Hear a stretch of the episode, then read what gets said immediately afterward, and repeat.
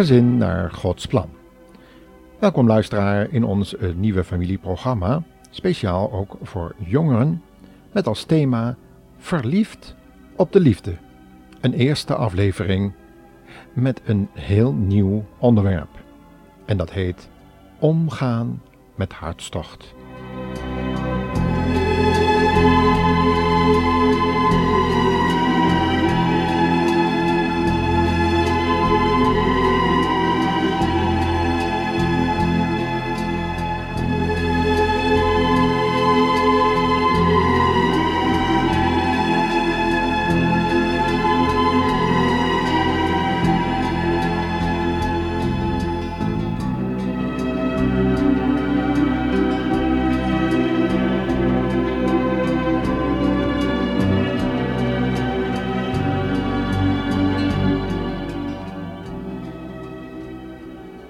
Omgaan met hartstocht.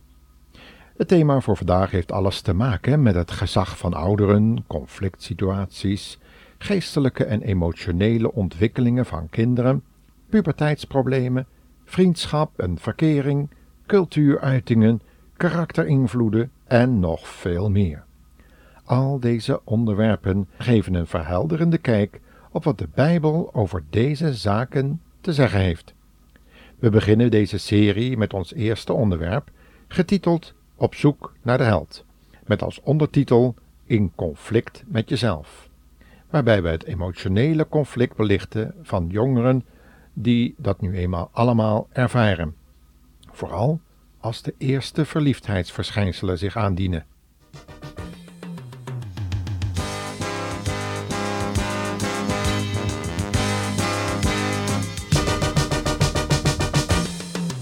We willen een held, een kampioen, een superster die alles kan doen. Een matador, de nummer 1, het grote idool, hij kan het alleen. We zijn in de ban, we schreeuwen en springen, we vereren graag onze held. We willen de beste, de snelste, de sterkste, dat is alles wat bij ons stelt.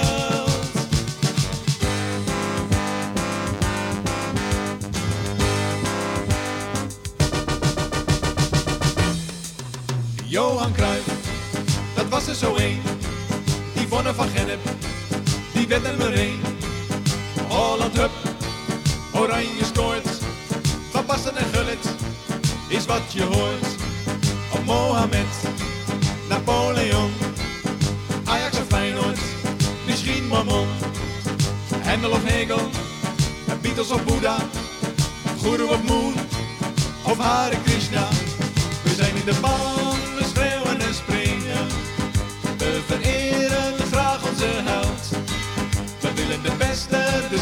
de sterkste. Dat is alles wat bij ons stelt.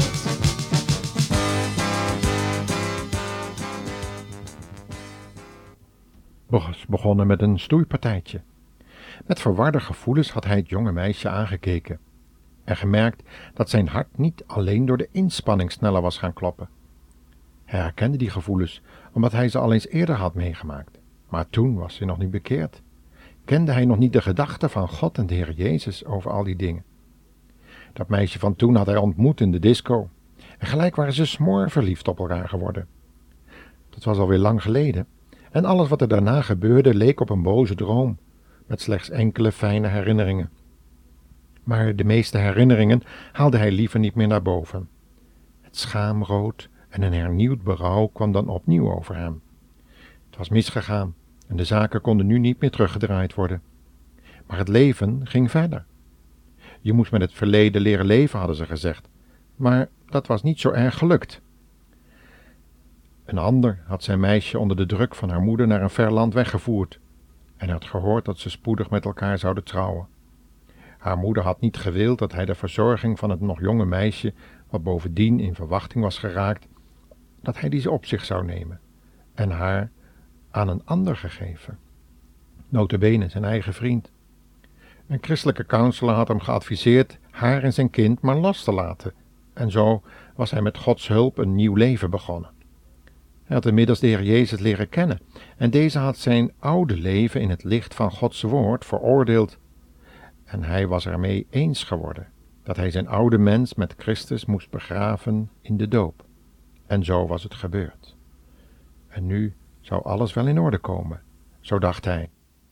We schreeuwen en springen, we vereren graag onze held. We willen de beste, de snelste, de sterkste. Dat is alles wat bij ons telt.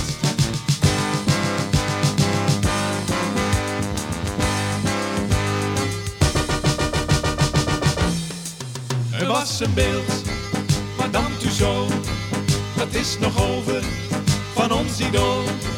Er was zijn neus, is nu zijn macht. Die toppen van toen, waar is nu zijn kracht?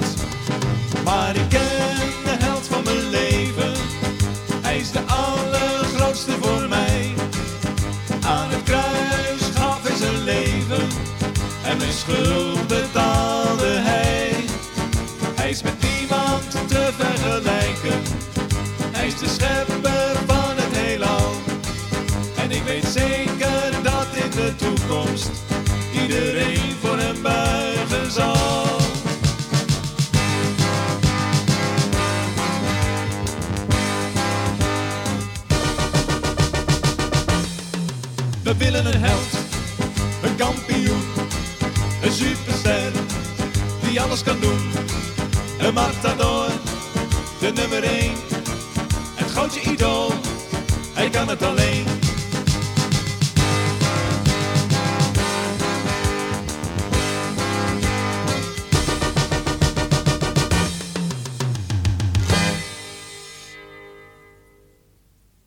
In het begin had hij nog getracht om in eigen kracht zijn oude leven onder controle te krijgen. Maar hij had spoedig de waarheid van het schriftwoord uit Romeinen 7, vers 15 tot 24 moeten erkennen. Daar had hij gelezen: Mijn doen en laten zijn voor mezelf een raadsel, want ik doe niet wat ik graag wil. Nee, ik doe juist dingen waar ik een afschuwelijke hekel aan heb. Ik doe dus wat ik niet wil. Maar dat betekent wel dat ik het met de wet eens ben, dat ik die wet goed vind van God. Wel, dan doe ik die slechte dingen dus niet zelf, maar de zonde die mij beheerst. Ik weet dat ik door en door slecht ben, tenminste wat mijn oude natuur betreft. Ik kan het goede niet doen. Ik wil het wel, maar ik kan het niet. En hoewel ik het goede wil, doe ik het niet. En in plaats daarvan doe ik het slechte, en dat wil ik nu juist niet. Als ik dus doe wat ik niet wil, doe ik het eigenlijk niet zelf, maar de zonde in mij. En zo ervaar ik het steeds weer. Als ik het goede wil doen, kan ik het niet laten het slechte te doen.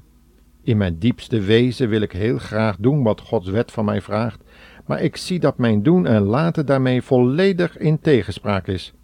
Wat mijn verstand wil en mijn lichaam doet, is altijd in strijd met elkaar. De zonde leeft in mijn lichaam. Wat ben ik er toch ellendig aan toe?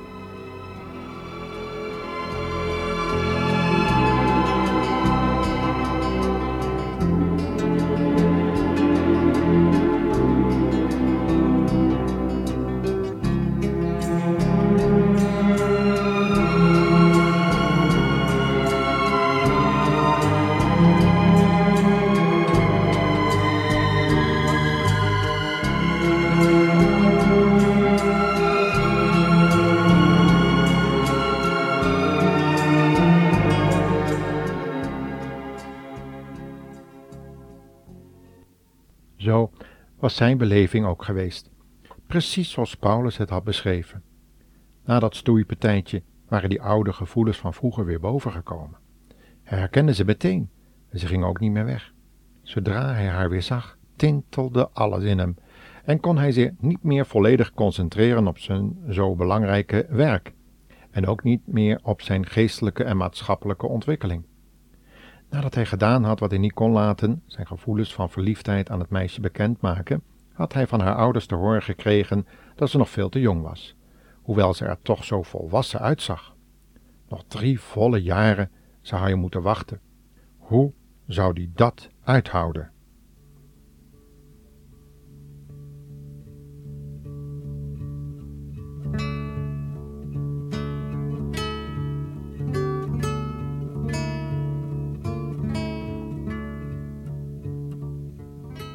In een donkere kamer lag een wat oudere jonge man op de knieën voor zijn bed. Een smeekgebed steeg op tot de troon voor God.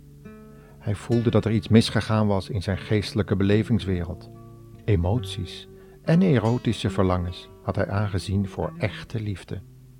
Onder de invloed van deze gevoelens had hij nog niet ontwaakte gevoelens losgemaakt bij een zich ontwikkelend meisje.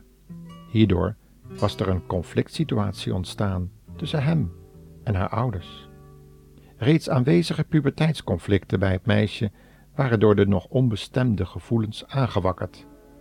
En verborgen hartstochten waren losgemaakt. Waar moest dat eindigen?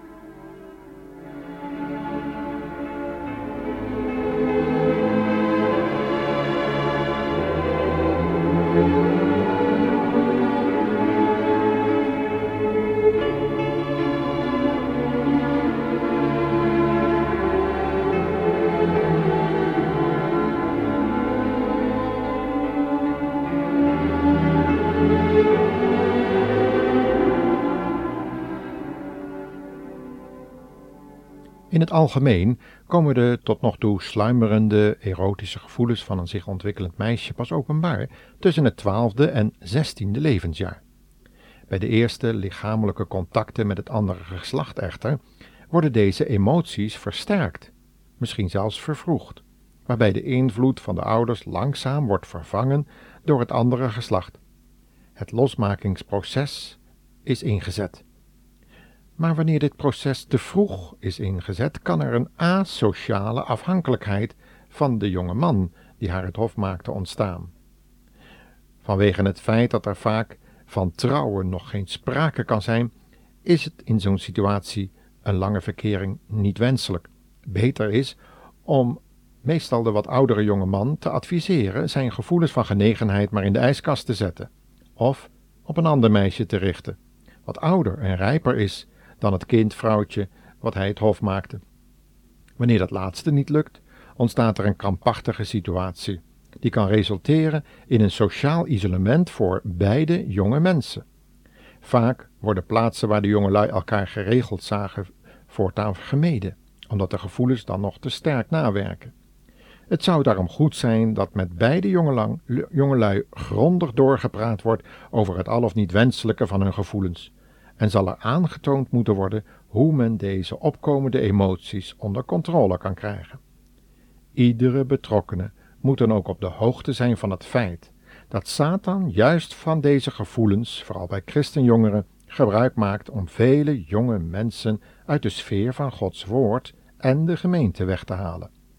Dat gebeurt doordat de aandacht helemaal op het lichaam en het uiterlijk is gericht. Juist in deze periode merken vele pasbekeerde en jonge mensen dat het oude leven opnieuw bovenkomt. In die oude levenssfeer kende je immers geen morele gebondenheden of een christelijke ethiek die je aan banden kon leggen. Daarom is er juist in die periode onderwijs en begeleiding nodig van oudere en ervaren broeders en zusters, die de jonge mensen kunnen leren dat God in Jezus Christus ook in dit soort behoeften heeft voorzien. Paulus beschrijft dat in Filippenzen 4, vers 19.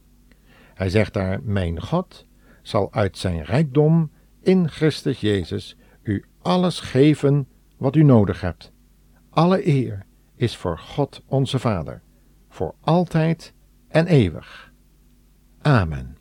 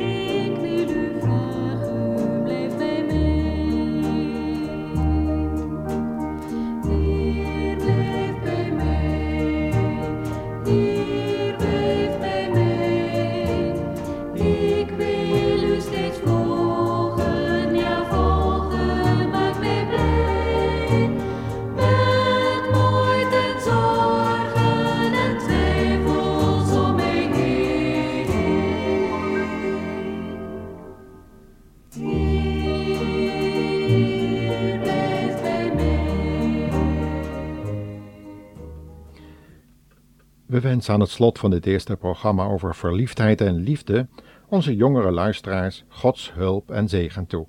Want Hij alleen kan in al die jongere problemen echt helpen, omdat Hij de kracht van de Heilige Geest wil geven aan ieder die zich helemaal aan God wil toevertrouwen.